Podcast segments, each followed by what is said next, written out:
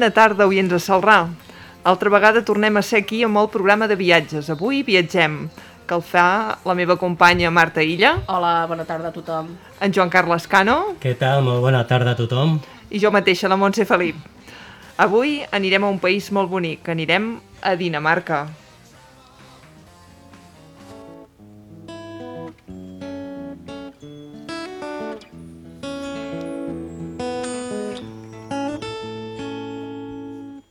Jeg sætter mig på kanten af din seng Og du lærer til mig.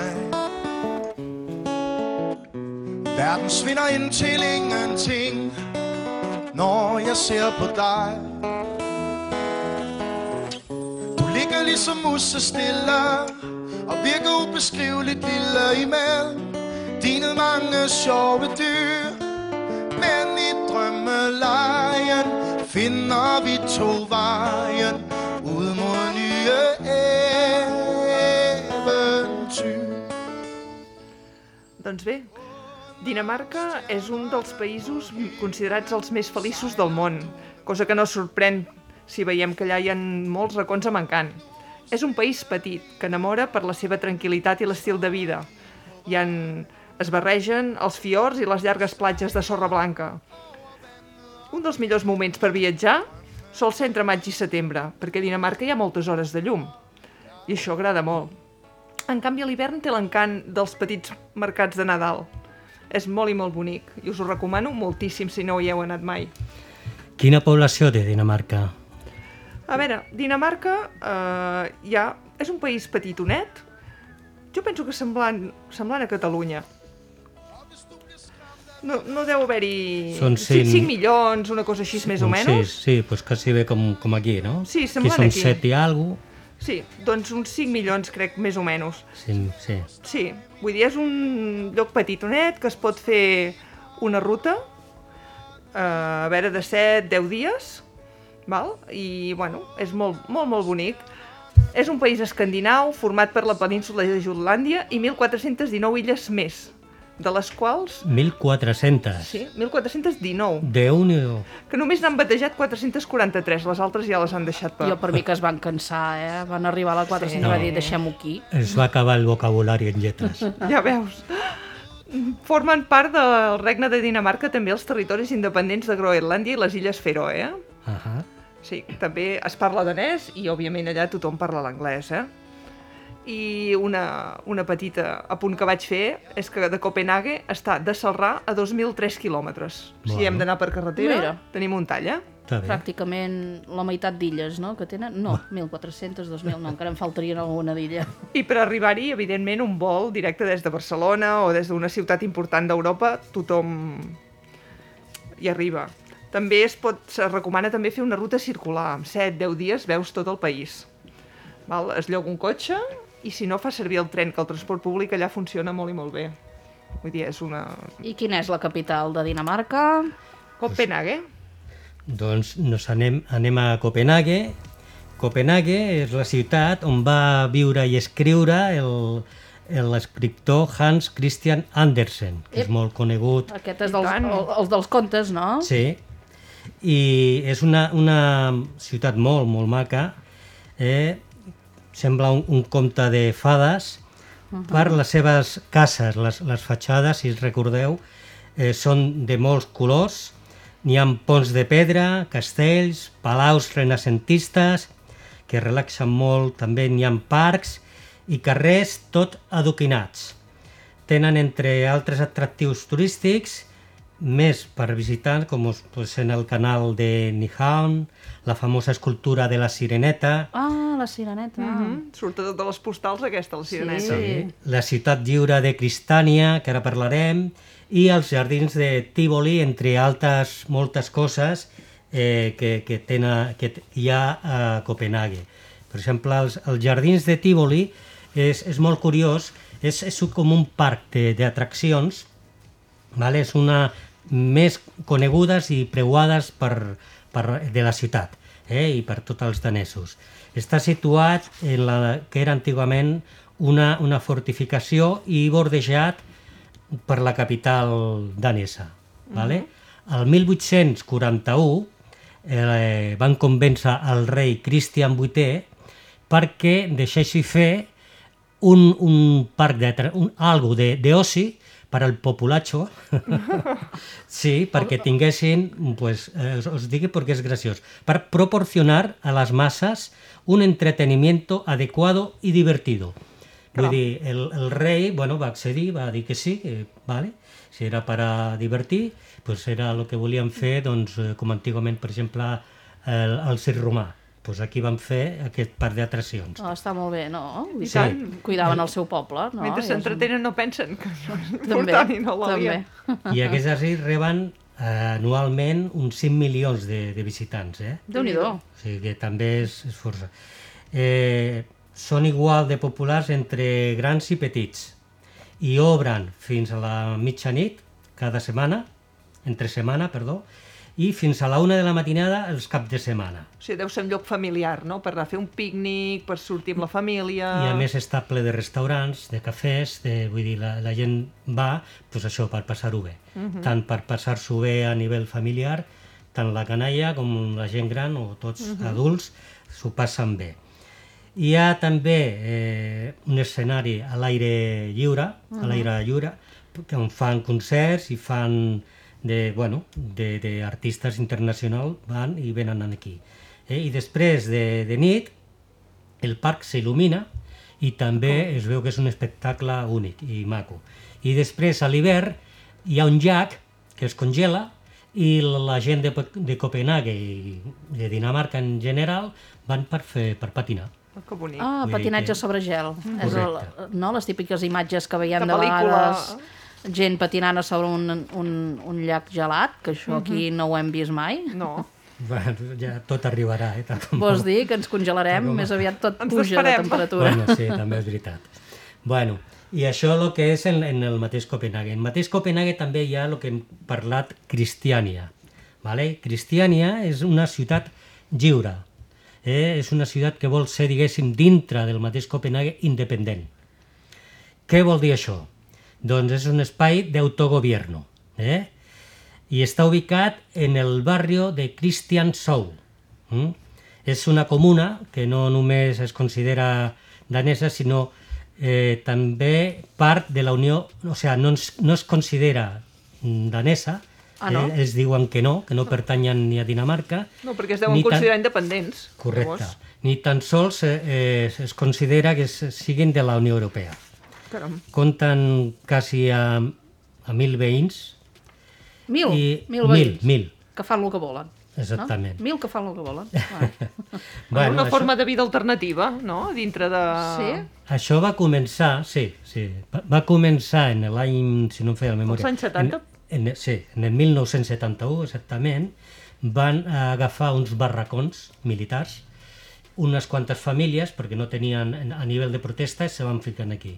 I a través d'aquí es van quedar i aquesta protesta, eh, es va quedar com un moviment que venia també d'Holanda. No sé si coneixeu el moviment Provo, que és un moviment social, un polític de reivindicació de- d'Holanda. I a partir d'aquí se van quedar. Com són autogovern i són independents, també tenen les seves pròpies condicions. A nivell de turista, per exemple, què els interessa saber? Es veu que quan entres, igual hi ha un cartell, igual que quan surts, que posa «Està usted entrando en la Unió Europea», quan surts. Quan Sí. surts. Eh? Però quan entres veu que hi ha un cartell que posa el que es pot i el que no es pot fer. Per exemple, a nosaltres a nivell de turista que ens interessa saber que no podem fer fotografies. No es poden fer fotos. no? No es poden fer fotos. Bueno, I, suposo... I vídeos? Es poden fer vídeos? Evidentment, Suposo que has d'anar amb la ment oberta, no? En allà, a veure què em trobaré, disfrutar de l'estona que estiguis allà, veure-ho i tornar a sortir. sí. Sí? Siguin molt curós, clar. I després el que actualment també és una, diguéssim, en la meva opinió, i suposo que de molts, la contra que hi ha en aquest barri és que ha proliferat molt el món de la droga. Evidentment. Ah, vols dir de les I a herbes. nivell de la policia tenen molts de problemes per aquest aspecte. Però bueno, a nivell... Però podem fer un ús com a- medicinal. Com a turista Sí. suposo que, que segurament, Poder segurament. buscar Les herbes pel caldo. una medicina alternativa o una, o una infusió que alleugereixi. Penseu que si això ve dels anys 70, una miqueta abans, era l'època dels hippies i la droga era una cosa... Molt normal, molt normal. Sí, que, que segurament han tirat per aquí. El que passa que ara la droga ja no és això. La droga ara, doncs, bueno, és un... Bueno, deu haver-hi la gent que hi va convençuda del que fa i que munta allà la seva nivell de vida i després sempre hi ha la picaresca i el que pues, juga pues, amb unes males El cartes, sector no? Pues sí. alternatiu. Sí, sí. sí, sí. I és això, diguéssim, la contra de- de- d'aquest barri. Per altra banda, jo pot ser, Joan Carles, que sigui lloc de molts artistes, grafiters, Sí. Uh, músics... Pe- Pensa que ha, suposo hi ha, hi ha una vida molt bohèmia, per dir-ho així. Sí. Jo crec que si traiem el tema de, de l'acoso que diuen ells, l'acoso policial, per aquest tema, jo crec que ser un barri, pues, a part de, de maco, de conviure Molta amb vida, eh? gent Molta i vida. de, de una certa llibertat que potser en altres bandes no, no podríem sentir. cooperativisme, diferent, Sí. una diferent manera de viure. Diferents línies artístiques, no? Una mica bohemi, no? Sí. Un barri bohemi. Jo Bueno. us vull parlar del castell. Eh? Quin castell Caram, us el parlaràs? El castell d'Egeskov uh. -huh. és un palau situat al sud eh, de l'illa de Funen i és un dels més bonics que podeu veure a Dinamarca. A més de la seva bellesa, aquest castell del segle XV és considerat el millor conservat d'Europa. Eh? I està envoltat d'aigua. Eh? Us imagineu la, la imatge bucòlica d'un castell envoltat d'aigua? Com les pel·lícules. Eh? Que I sí. cocodrils? Hi ha Em cocodrils? penso que no en queda cap de cocodril en aquelles aigües, eh? una mica fredes Suposo que els cocodrils. vikingos ja se'ls van menjar. No, sí. sí, en devien fer sabates o bolsos. um, uh, és, és, és amb una sola entrada i has de passar un pont llevadís per anar-hi.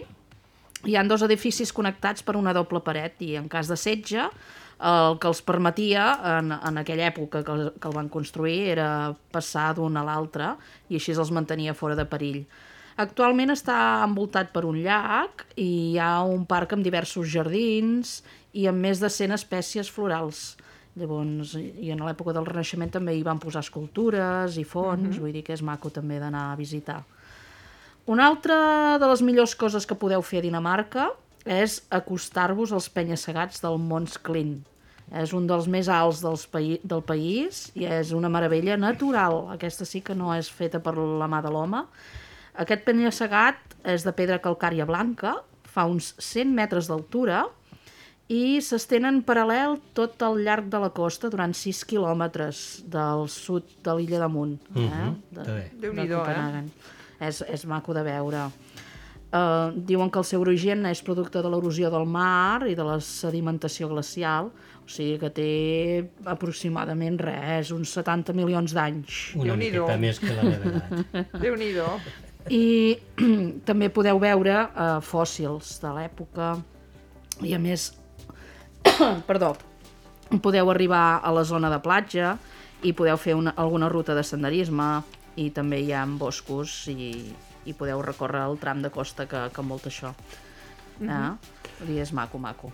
Doncs eh, ara que som a la costa, eh, jo us volia explicar que a Dinamarca un dels llocs més turístics que tenim és el far de Rukbek Nut. Uh -huh. Val? És, un, és un gran...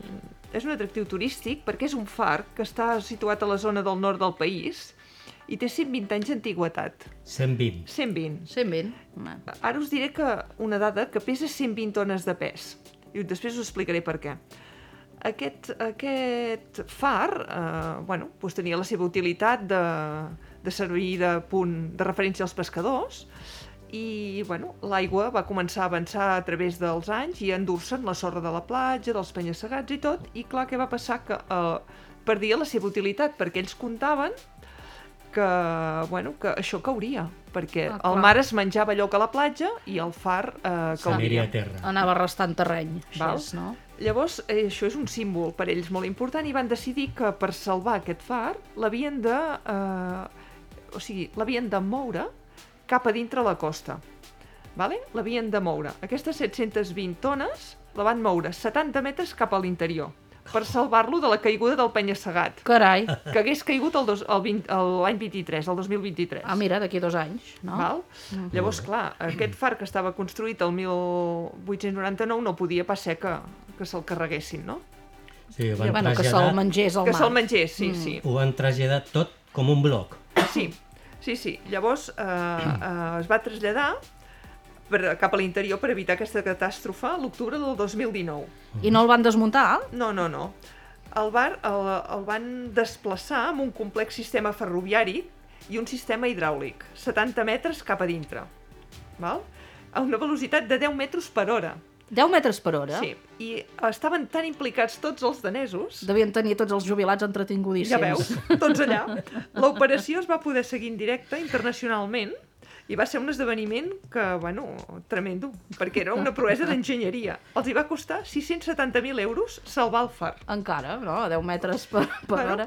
Eh, Mira, per ells devia tenir moltíssima importància. Sí, sí. I clar, bueno, les... També si és un, un punt per cridar a turisme, doncs Sí, suposo sí, que, sí, que té la seva, no, la, la seva qüestió cultural també per, No. per salvar-ho. ja ho amortitzaran, no Clar, i pateixis. tant. No, no, però ha de ser curiós de veure el far i, bueno, totes aquestes obres que devien fer. No devia ser fàcil moure-ho. No. Així ho han salvat i la, no, el mar no s'ha menjat el, el far. Sí, sí. L'han salvat, l'han salvat. Sí, sí, és molt visitat. Doncs, bueno, jo també us vull parlar d'un castell, Quin castell de Kronborg, Ah, ah, ah. eh? està situat a 50 quilòmetres del, al nord de Copenhague, és d'estil renacentista de finals del segle XV i està declarat pa- Patrimoni de la Humanitat.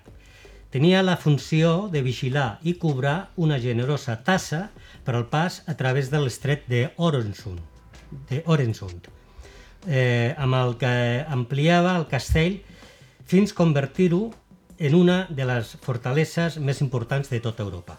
Eh? I al, al, al cap del temps, una de les mm, més inexpugnables prisos, presons. Va, se Ah, es va convertir en una presó. En una presó. Sí. Que ara que la, la seva major fama le ve eh, que va ser l'escenari on es va succeir Hamlet, Caram. que és l'obra, com Això és de ja Shakespeare, sabreu, no? L'obra mestra de William Shakespeare. Eh? Mm, Aquí a sí, l'actualitat es pot visitar al seu interior i et pots trobar magnífics tapius, eh, tapices perdó, i, les, eh, i les habitacions reals on s'ofereixen el, un entretingut eh, tour per tots els escenaris on va succeir Hamlet. Caram. Mm? Bueno, que devia inspirar-se Shakespeare per, per fer l'obra de Hamlet, no? I el deuen teatralitzar a dintre del castell, tot això, no? Clar, Ah, correcte. Bueno, aquí es van fer eh, l'escenari de Hamlet, vull dir que suposo que William Shakespeare, això suposo que se- s'inspiraria Eh, Es devia inspirar en Aquí. aquest castell, sí, sí. i, i després és possible que hagin fet obres o... El més segur és que l'hagin representat, segur, Sí. segur, segur. Representació. Segur, segur. Nosaltres ja ho faríem, eh, Marta? Jo sí, de seguida. Ja m'hi veig. Ser o no ser, és això, no? Ser o no ser. I vinga, anar fent. I per a llegar a aquest castell, és de Copenhague, doncs agafes un tren, que com hem dit abans, eh, tenen una red eh, viària, o sigui, de, de trens magnífica, i en una horeta et poses en aquest castell. En aquest. Després parlarem també de Odense, que és la, la ciutat on, on, natal de Hans Christian Andersen. Ah, sí, que n'hem parlat abans. Sí, que està situat a la illa de Fionia. És un altre lloc de Dinamarca que per poc que es pugui s'ha d'anar a visitar. Eh, té un museu de l'autor eh, on va escriure els seus contes infantils, com per exemple recordem el Patito Feo, Ah, la Neguet La. Neguet lleig. sí, eh, o la Sireneta, La Sireneta també és d'en Landersen, sí? Sí. Per això, clar, per això van, van fer per això l'estàtua. el, la figura d'abans, no? Sí, sí, sí. Sí. I després, bueno, també és molt maco per passejar els carrers adoquinats del centre històric, amb les seves cases, que també són les fatxades, les façanes de, Les de colors, aquestes de que a mi colors. em recorden molt aquí el que tenim a Girona. Sí, Eh? les cases de l'Unyà, eh? Sí, amb una altra arquitectura i més vigues vistes, però... Sí, poder les vigues es veuen més allà, eh? Que Sí. fa aquell estil pirata o estil... però amb colors. No, no, però són boniques perquè sí, només els poblets en allà realment val la pena fer-hi un vol, perquè a més ho tenen super cuidat els veïns. Amb flors a l'estiu, totes les jardineres, que realment aquesta gent cuida el detall i només de passejar pels carrers ja és molt i molt bonic. Sí que és veritat. I parlant de, de la casa de Christian Andersen i el seu, diguéssim, museu, m'agradaria també recomanar el museu de Karen Blixen. Karen Blixen, més coneguda com Isaac Dinesen, també era una escriptora de Dinamarca, eh, que té el seu museu, la seva casa on va viure es va convertir en un museu i bueno, també volia recomanar-ho. Ah, molt bé. És interessant. I d'aquí nos anem a Legoland? Legoland? Ei, no, no falteu a la cita a Legoland. Tots No, aquests no. que teniu família I els que no en teniu, també. i els que no en teniu, perquè ja sabeu que Legoland és un, un, un, un lloc de trobada per tots els que siguin fanàtics d'aquests jocs de construccions. Eh? Heu d'anar a, la, a la petita ciutat de Billund. Eh? Perquè és- Ryanair tenia un vol directe, mm. Girona-Billund. Tu Veus? podies anar d'aquí a Legoland un cap de setmana. I no passar per enlloc més. I només estar allà. Vull dir que els de Girona ja, ja tenim quasi ciutat agermanada Bono, amb Billund. I eh, es, es troba allà perquè és on es va construir aquesta fàbrica, la primera fàbrica que es va construir de Lego era de, de Billund i era d'on era el seu fundador, en Kirk Christiansen. Uh, es, uh, llavors, en aquí uh, és un parc de, de, de temàtica familiar, tant disfrutaran els petits com els adults. Uh, hi ha um, ce- certs, uh, certes zones que podeu veure amb més o menys afició. Hi ha una estàtua del toro assegut que fa més de 10 metres d'altura. Han reconstruït meravelles del món com Abu Simbel, amb milions de peces de Lego de colors. A més, podeu anar a, a una zona que és el Miniland, altres zones com l'Adventureland, el Pirateland, mm -hmm. hi ha atraccions... Eh, pots anar-hi amb 3 hores amb cotxe o pots agafar un tren des de Copenhagen. I poder la més ràpida és el que ha dit la, la Montse, no sé si encara aquest vol hi és. Jo penso que ara ja no, eh? Potser ja no. Ara han retallat molt, eh? Sí, ara hauríem de mirar els vols que surten d'aquí Cada any veure si canvien, eh? I realment penso, no ho sé és. si... No, i a més la Ryanair, com ja sabeu, aquí a Girona ha retallat molt, eh? Sí. Ha Sí, conservat altres, però... no, no, la base, tot el que era gran d'abans, ara ja no hi és, eh? No. però en, tot cas hi podeu anar-hi amb cotxe i també hi ha un càmping a prop per qui vulgui fer turisme de càmping Oh, i amb, anar-hi amb tota la família. Un altre castell és el castell de Frederiksborg. És un, un terra de palauet. castells, eh? Sí, és terra de castells aquí.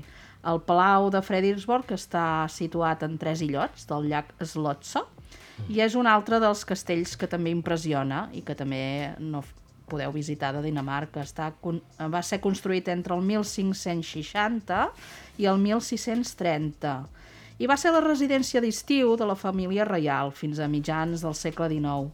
Llavors és d'estil renaixentista, com una mica va ser el símbol d'Escandinàvia de, del poder, de la monarquia danesa, i avui es pot visitar el seu interior eh, en el Museu Nacional d'Història. Hi ha sales reials, hi ha la gran sala, el pati interior, hi ha una petita església, i també val la pena passar una estona en els jardins, que són d'estil barroc i envolten tot, tot el Palau de Tot el palau. Mm -hmm. Parlaves de residència reial i m'agradaria fer un apunt també que en Copenhague, en Amalienborg, -hmm. vale? també n'hi ha un, un, la residència d'hivern de, de la família real i això és, és interessant aquí trobaríem una, una estàtua equestre de Frederic V i és interessant si fer coincidir la visita amb el canvi de guàrdia Ah, Ah, eh, caram. com a Londres com a Londres, Com a Londres. així, eh? No volen ser menys. bé, Doncs, eh, Doncs jo res, crec- que si voleu anar-hi amb tren també hi podeu anar amb tren, cap problema. Eh? Doncs jo per sortir de Copenhague us eh, recomanaria eh, la segona ciutat més gran del país, que es diu Aarhus. Arus. Aarhus. Arus. És un lloc molt bonic per veure. Està construïda al voltant del segle VIII pels vikings, a la desembocadura d'un riu, i té un ambient molt estudiantil, Ah, mira. perquè ten, hi ha bueno, moltes nombroses activitats culturals i bueno, el més, eh, lo més conegut és un museu a l'aire lliure que té eh, cases històriques de diferents ciutats i pobles del país, totes agrupades, i llavors pues, és molt bonic de visitar. també té una catedral, que és una de les més grans de, de Dinamarca. Uh -huh. Val? I és, bueno, està cap al nord i és molt bonic. Val? Una altra cosa molt interessant és el pont d'Oresund. El pont d'Oresund ens uneix Dinamarca amb Suècia. Val? Té una longitud de 16 quilòmetres i mig, més o menys, 16 quilòmetres de pont, déu nhi i uneix Copenhague i Malmo. Val? Uh, és una altra manera, així no has d'agafar un avió. Uh -huh. I és curiós perquè uh, aquest pont és la meitat amb, per carretera i la meitat per túnel. O sigui, fas un tall amb carretera, Sí. llavors vas a parar amb una illa artificial que realment s'ha Que es convertit... fica sota l'aigua, no? Sí, que s'ha convertit en refugi d'aus migratòries i on, clar, com que estan tranquil perquè no hi ha res, No hi ha només res serveix per ningú. canviar de carretera a, a, a túnel, Sí. vale? doncs, eh, a veure, allà hi ha moltes aus, doncs és la meitat vas per sobre el mar i l'altra meitat vas per sota el mar. Ah, curiós. I clar, llavors és molt i molt curiós. Mm, a veure, es va construir l'any 1991, va ser un enorme projecte dels dos governs, tant suec com danès, val? i at clar, travessa tot per, sota, per sobre i per sota el mar. I és una cosa molt curiosa de passar. Mm, a veure, Clar, antigament ho devien fer amb ferris, amb Sí. avions, i no hi havia altra alternativa. no, eh? no. Clar. tenen, tenen un peatge, o sigui, ten, pagues uns diners, depèn de si vols un peatge mensual eh, o, o diari, sobre uns 50 euros més o menys. I també hi ha controls fronterers, o sigui, has de presentar el que és el passaport i tot això perquè t'ho poden demanar, eh? Ah, d'acord. O sigui, no perquè vagis allà amb, un, amb cotxe no et demanaran res. Clar, perquè és un canvi de país. Sí, sí, sí. Eh?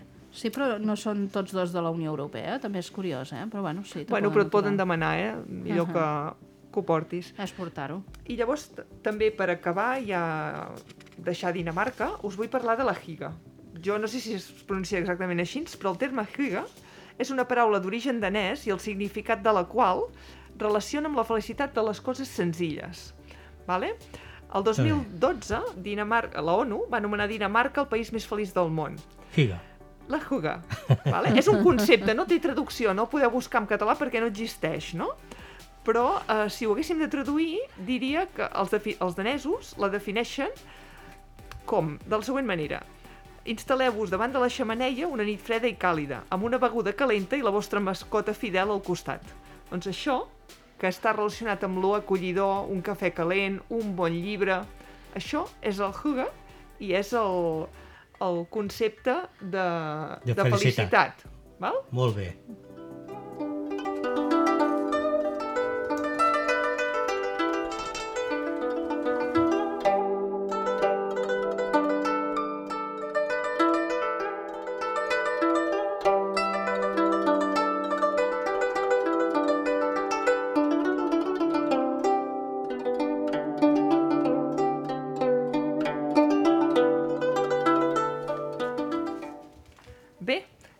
ja heu sentit la música. Canviem totalment de cançó, ai, perdó, de país. Agafem un avió i ens en anem I hem arribat a, Pequín. a Pequín. A Res a veure. Res a veure, res a veure.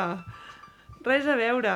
Una ciutat on deixem la tranquil·litat i arribem al caos, al bullici, uh, bueno, uh, a una Sí, ciutat... pas, passem d'un país que té quasi 6 milions a una ciutat que té 22 milions, més o menys, 22 milions. Mare de Déu, i és una ciutat, no és un país, eh? No, és la segona ciutat més poblada de la Xina darrere de Xangai.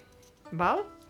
Uh, és, bueno, és una ciutat en quant a població moltíssima, amb múltiples línies ferroviàries, carreteres, un, a veure, moltíssimes maneres d'arribar-hi, la qual nosaltres sempre diem que la més ràpida és un vol fent escala i arribar fins a Pequín.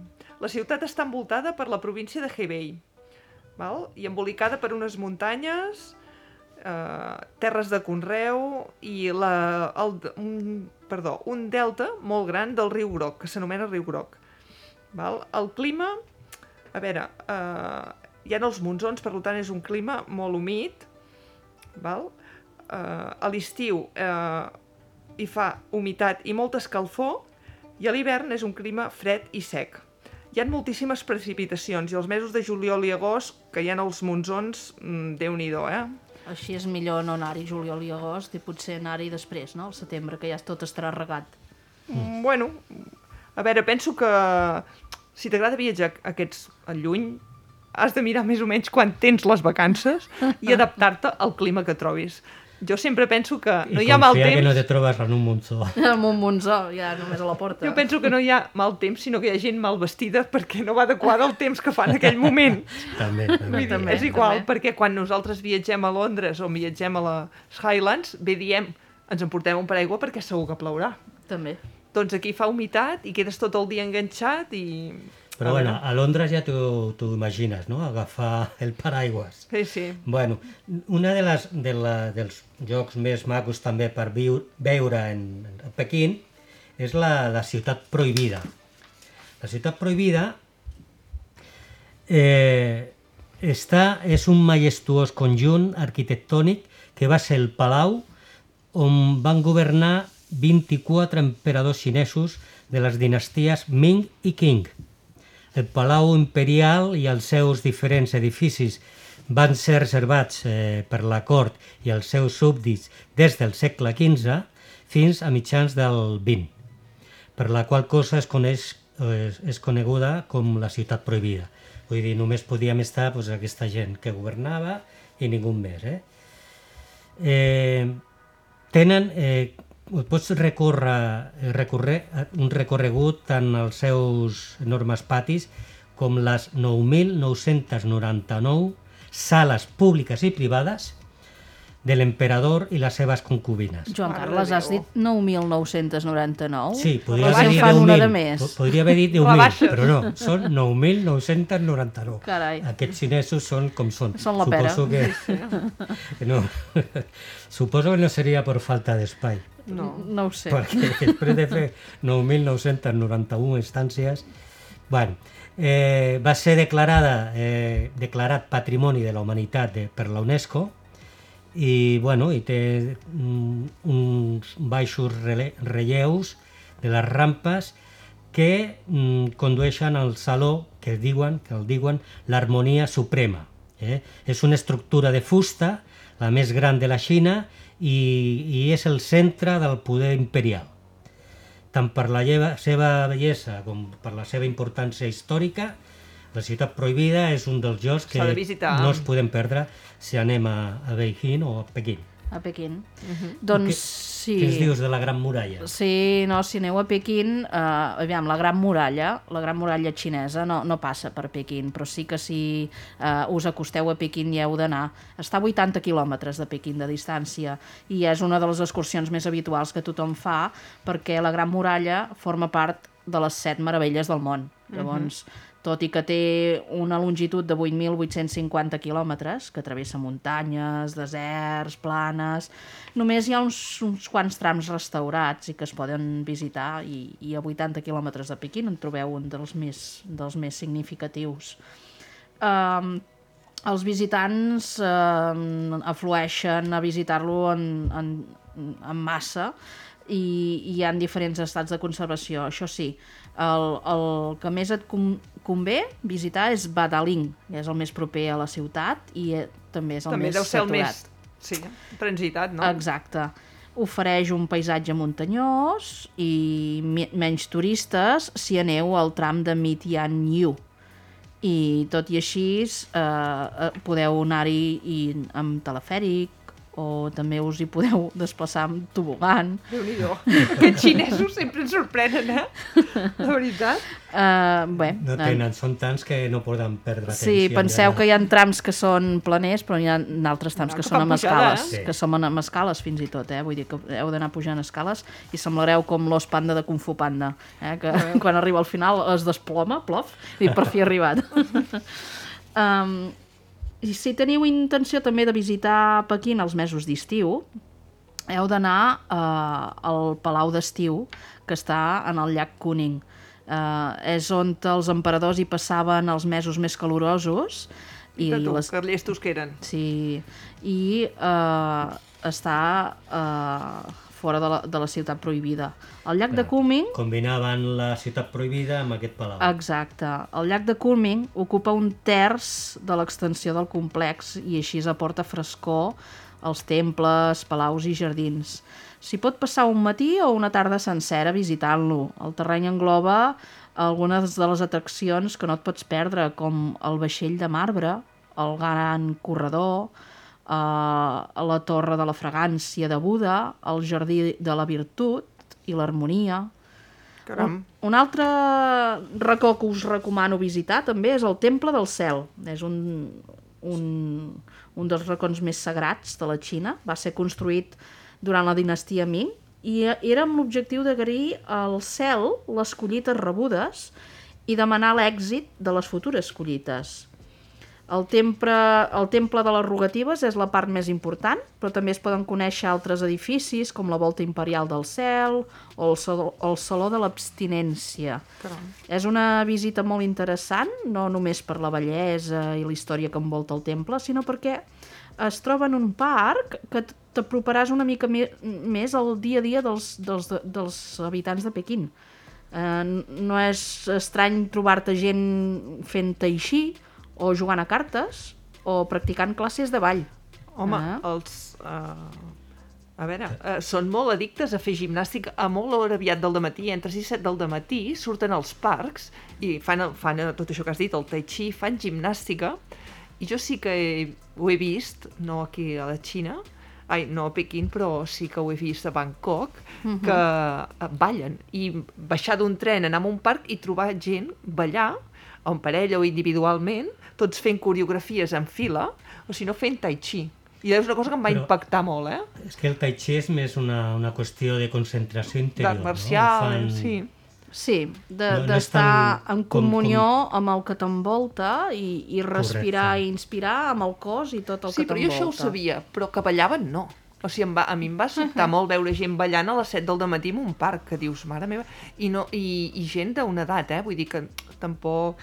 Vull dir, Clar, em va, vaig quedar parada. Com que ja no surten de nit, doncs No, fan no. a primera hora al matí.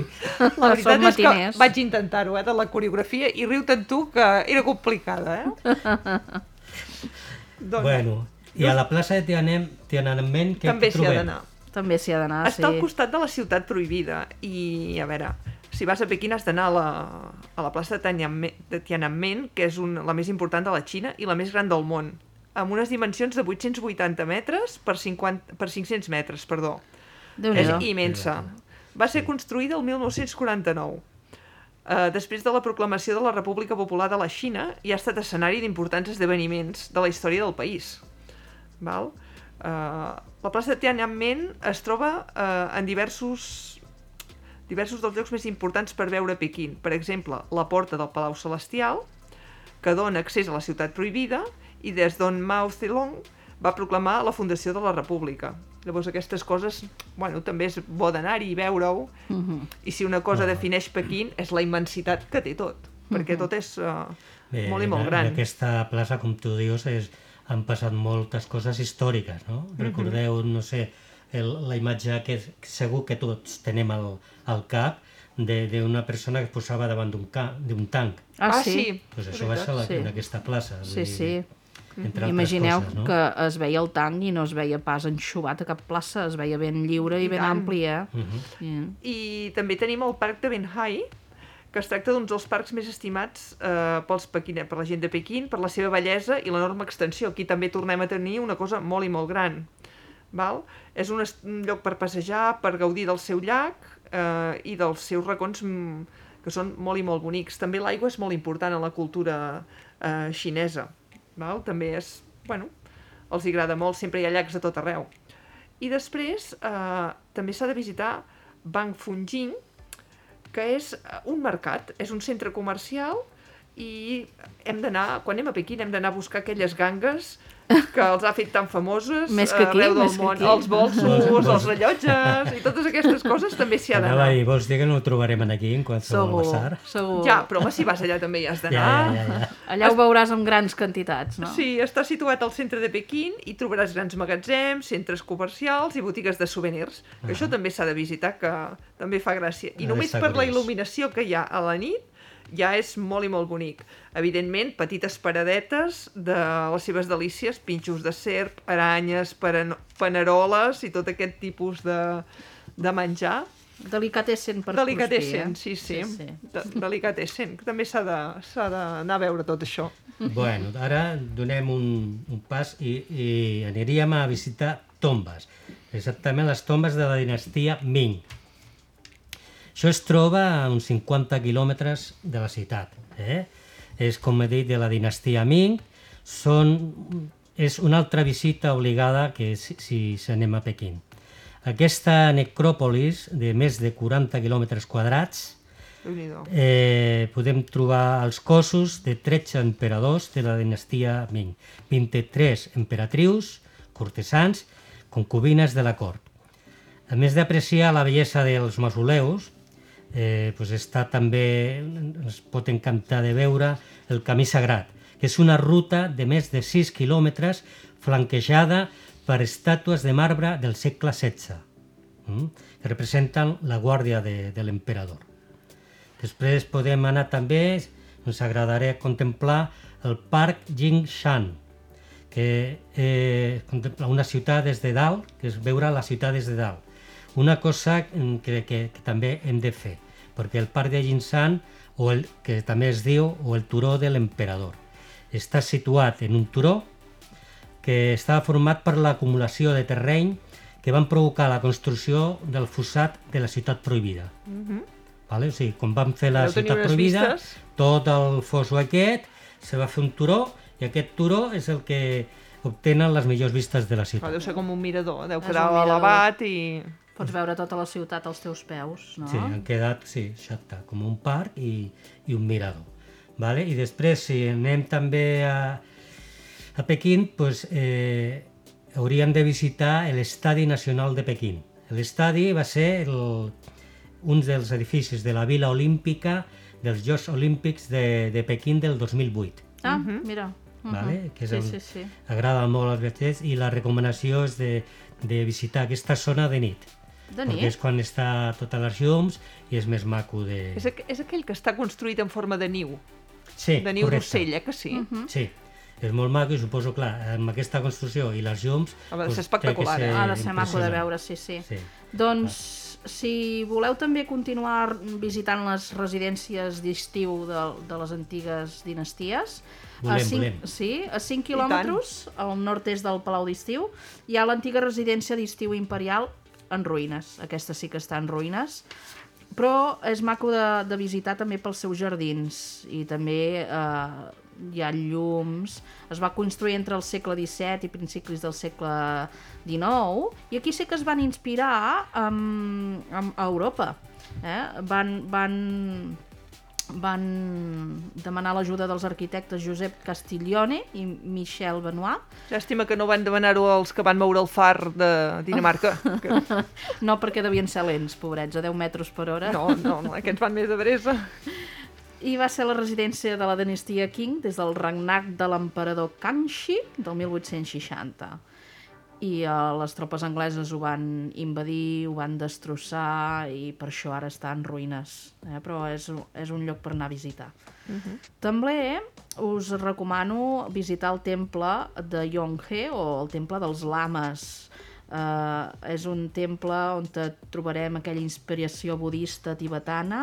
uh, està als afores del Tibet i va ser construït al segle XVII. Va ser un refugi espiritual uh, per monjos i et meravellaràs amb la seva arquitectura tradicional amb teulades daurades, l'estàtua de Maitreya de 18 metres d'altura, que és el futur Buda, i esculpit en una sola peça de fusta de sandàlia, i l'olor punxeguda dels centenars de varetes d'encens. Amb una sola peça. Sí, una sola peça de fusta, de sàndal, perdó, de sàndal. I us, us, us olorareu aquelles varetes d'encens perquè per retre homenatge encenen encens i el dipositen allà. Llavors tothom que va uh, a tenir Fa l'ofrena, no, diguéssim? Fa l'ofrena amb encens i, i el cremen. I el cremen. També mm, heu d'anar a fer una volta per al llac Huhai, que és un altre pulmó de la ciutat, que és una ciutat molt contaminada, Pequín, i el llac eh, dona una mica de recés, de pau als seus habitants i és una de les tres parts de Shishahai, en la zona del cor de la capital, composta per tres llacs. És un bon lloc per passejar, si fa sol, i podreu gaudir de l'ambient i després sortir a sopar. Uh, hi han restaurants i bars tot al voltant. Eh? Déu-n'hi-do, Sí, déu I ara us volia comentar una notícia que, que ha passat al Festival de Llum de Pequín. Val? Uh, són 50.000 llums i 3 quilòmetres de leds per un festival de, de llums. Val? Que aquest any ja han pogut celebrar sense mascaretes. Al parc de Yucua... Ja ho han fet Yucatán. sense mascaretes, això sí, Sí, que perquè se és celebra... exterior, cada- eh? Sí, sí. Val? I, a veure, uh, abans havia estat anul·lada per la pandèmia i ara, la, com que han tret part de les restriccions, doncs han pogut, pel coronavirus, han pogut celebrar-ho. És exterior, torno a dir-ho, eh? Tenen, han de comprar un bitllet gratuït, però això ho fan per uh, mirar l'aforament. Només per controlar l'aforament. Llavors, eh, el, compren el bitllet i, i poden garantir que la gent hi vagi i es garanteixi la distància de seguretat. Són 50.000 punts de llums i 3 quilòmetres davant de leds. 50.000 llums? Punts de llum, Mare de Déu. no? Uh, utilitzen la tecnologia i, és clar és un espectacle per al visitant que, que hi va. No? És molt i molt espectacular. I, bueno, després també tenen una altra cosa, que està prohibit criticar la medicina tradicional xinesa pel virus. És que aquest virus ha causat molta, molta controvèrsia. molta controvèrsia. Ells, eh, a veure, l'administració de medicina tradicional de Pequín obliga els diferents departaments locals a donar suport a la medicina tradicional dins les seves respectives competències, però només per... no es pot criticar, eh, només per És els efectes secundaris. no està oficialitzada i allà sí. Clar, no? clar, clar, clar. A veure, i no poden ni difamar ni danyar la reputació de la medicina tradicional, Clar. de cap manera i No, amb cap comportament. S'han curat tota la vida amb la medicina tradicional. A veure, ells creuen que la medicina tradicional xinesa es basa en el principi que tots els organismes tenen una energia vital, vale? que tenen el yin i el yang, i els seus medicaments són per restablir l'equilibri i curar el pacient. val? Però no poden criticar-ho. I bueno, doncs és això, és una de les, uh, de les grans coses que tenen i que volen seguir tinguent. Bé, bueno, eh, com que podríem, eh, com que estem en, en la secció de notícies, Mhm. a mi m'agradaria si afegir una que he trobat, si us sembla. Si Ah, la sí? trobo, Sí, i tant.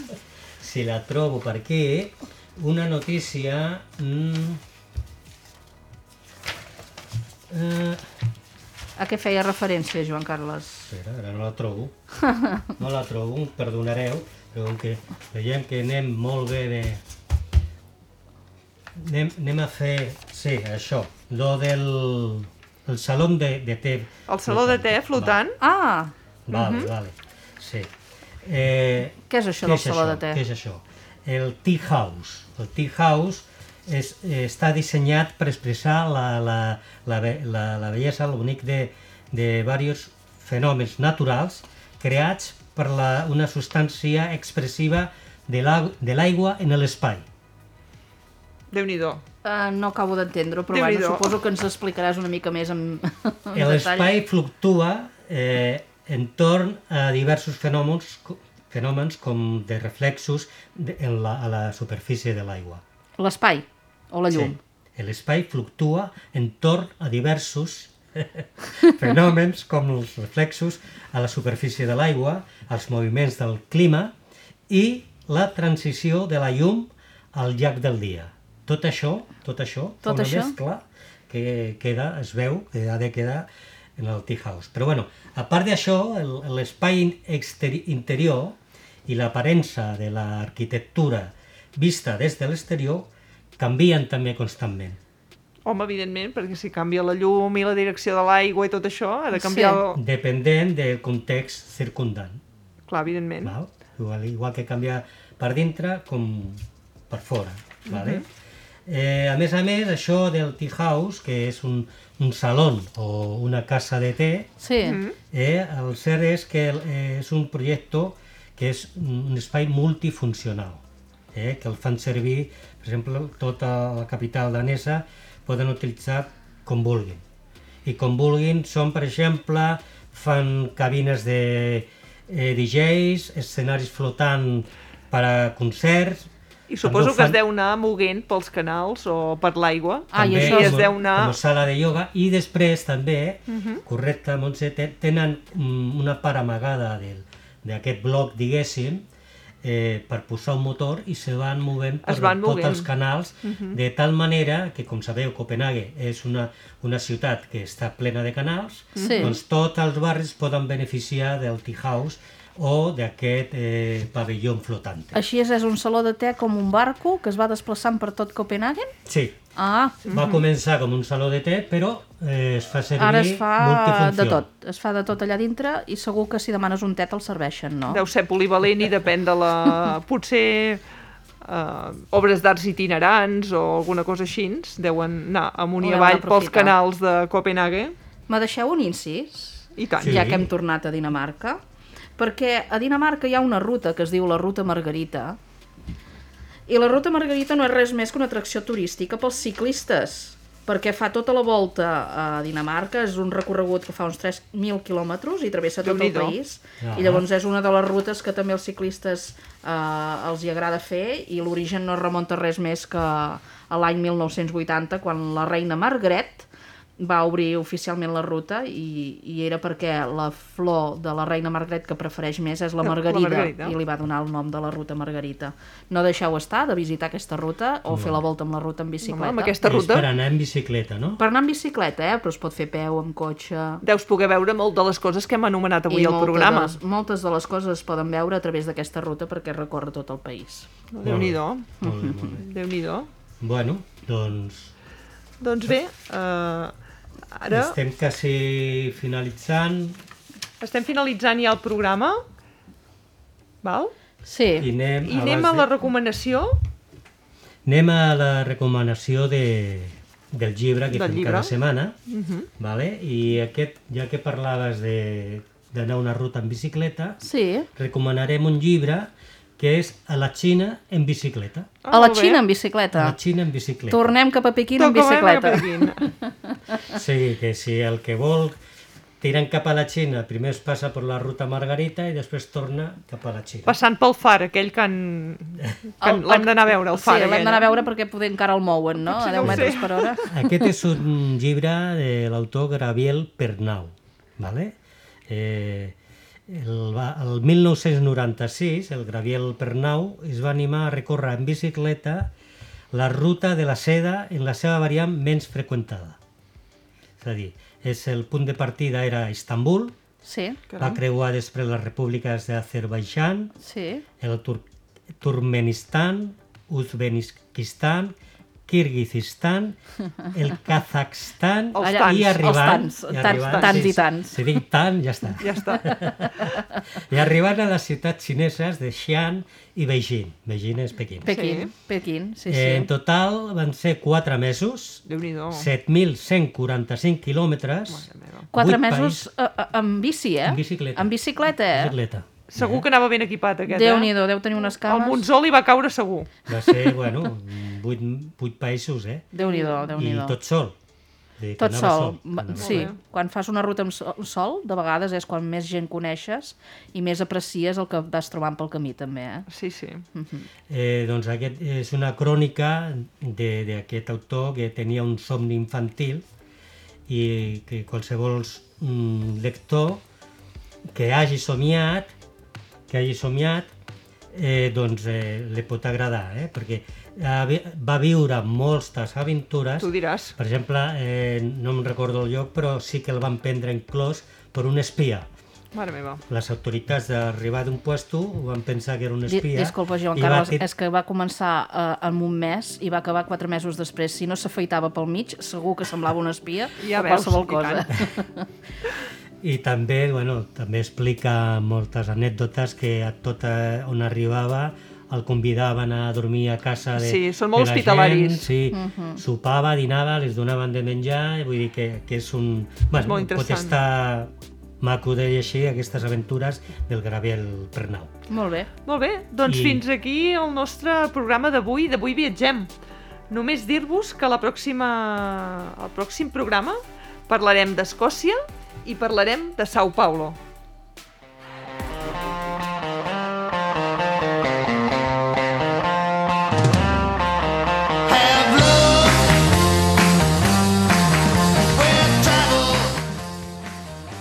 Fins el pròxim programa. Doncs vinga, Marta, fins al pròxim programa. Espero que us hagi agradat aquest programa i us espero el següent. Joan Carles, fins al pròxim programa. Fins al pròxim programa. Vinga, fins aviat.